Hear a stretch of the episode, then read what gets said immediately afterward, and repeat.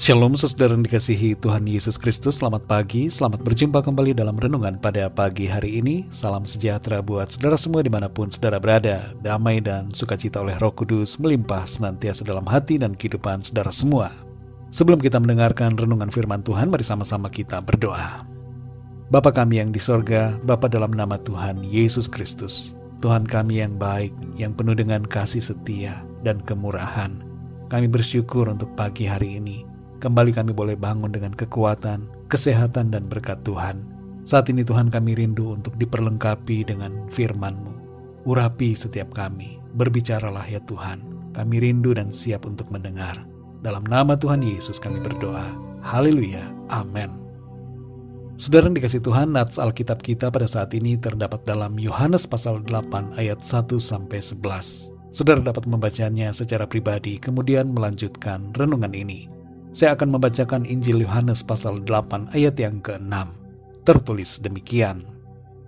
Mereka mengatakan hal itu untuk mencobai dia, supaya mereka memperoleh sesuatu untuk menyalahkannya.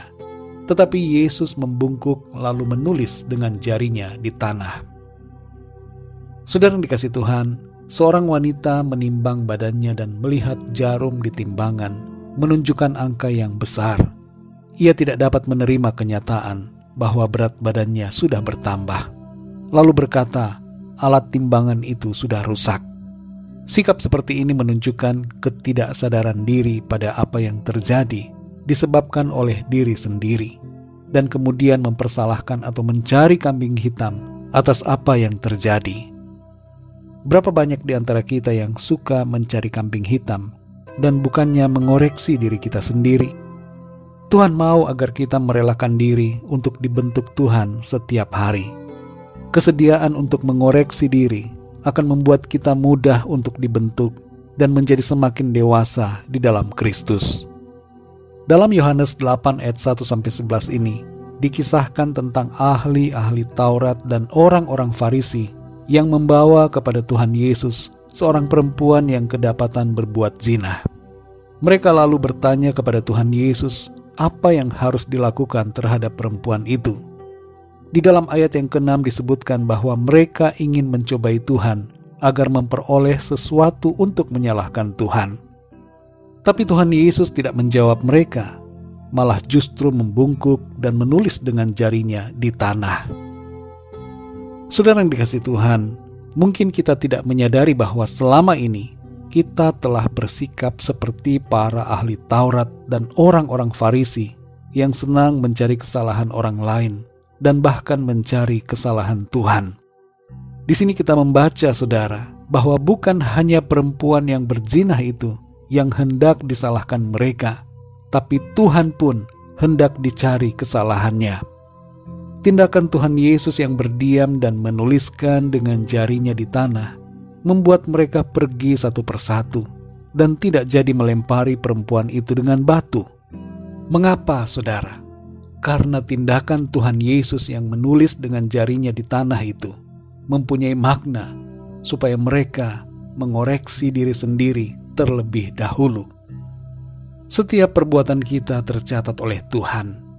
Di setiap negara biasanya ada catatan kriminal kalau kita melakukan suatu tindakan yang melanggar hukum, maka kita akan mempunyai criminal record di kepolisian di negara kita tinggal atau di negara di mana kita melakukan tindak kejahatan itu.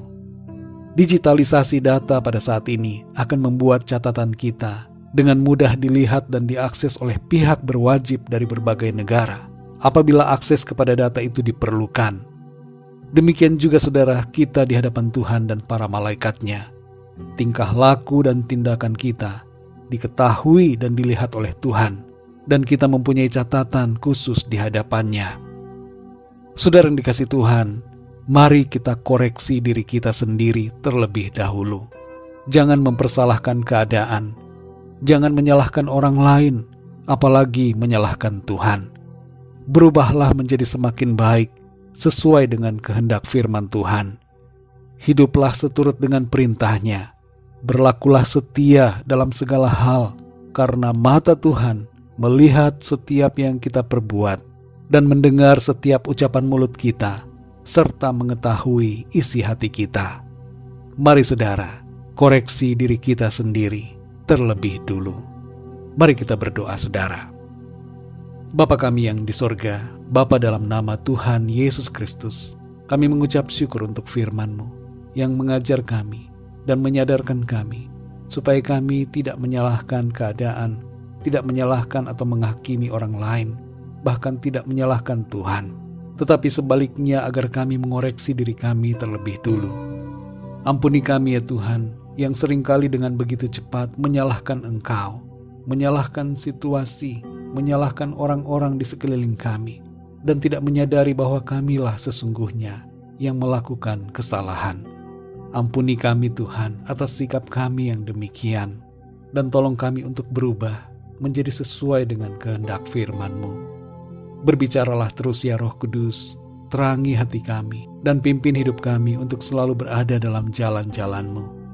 Saat ini kami berdoa untuk setiap dari kami yang sedang dalam pergumulan, persoalan ataupun sakit penyakit, agar Tuhan Engkau menjamah, memberikan kekuatan, jalan keluar, pertolongan, kesembuhan, dan kesehatan yang sempurna. Kami percaya ada kuasa pertolongan Tuhan yang akan kami alami dalam hidup kami. Tuhan tidak pernah membiarkan dan tidak pernah meninggalkan kami, tapi Engkau Tuhan selalu menyertai kami dan memberikan kami kemenangan. Pimpin kami ya Tuhan Yesus di sepanjang hari ini, dalam segala tugas aktivitas kami, dalam studi, dalam pekerjaan, dan segala yang kami lakukan. Biarlah Tuhan Engkau buat kami berhasil, dan dalam semuanya itu nama Tuhan senantiasa kami muliakan. Kami serahkan segala sesuatunya ke dalam tangan kasih-Mu. Kami percaya Tuhan Engkau selalu akan menolong kami. Terima kasih Bapa. Dalam namamu yang kudus, nama Tuhan Yesus Kristus, kami sudah berdoa dan mengucap syukur. Haleluya. Amin. Puji Tuhan, saudara yang dikasih Tuhan, saya percaya firman Tuhan menjadi berkat dan kekuatan buat saudara semua, dan roh kudus akan menolong saudara untuk lebih lagi memahami kebenaran firman Tuhan. Tuhan Yesus memberkati saudara semua. Selamat beraktivitas dan sampai jumpa dalam renungan yang berikutnya. Haleluya.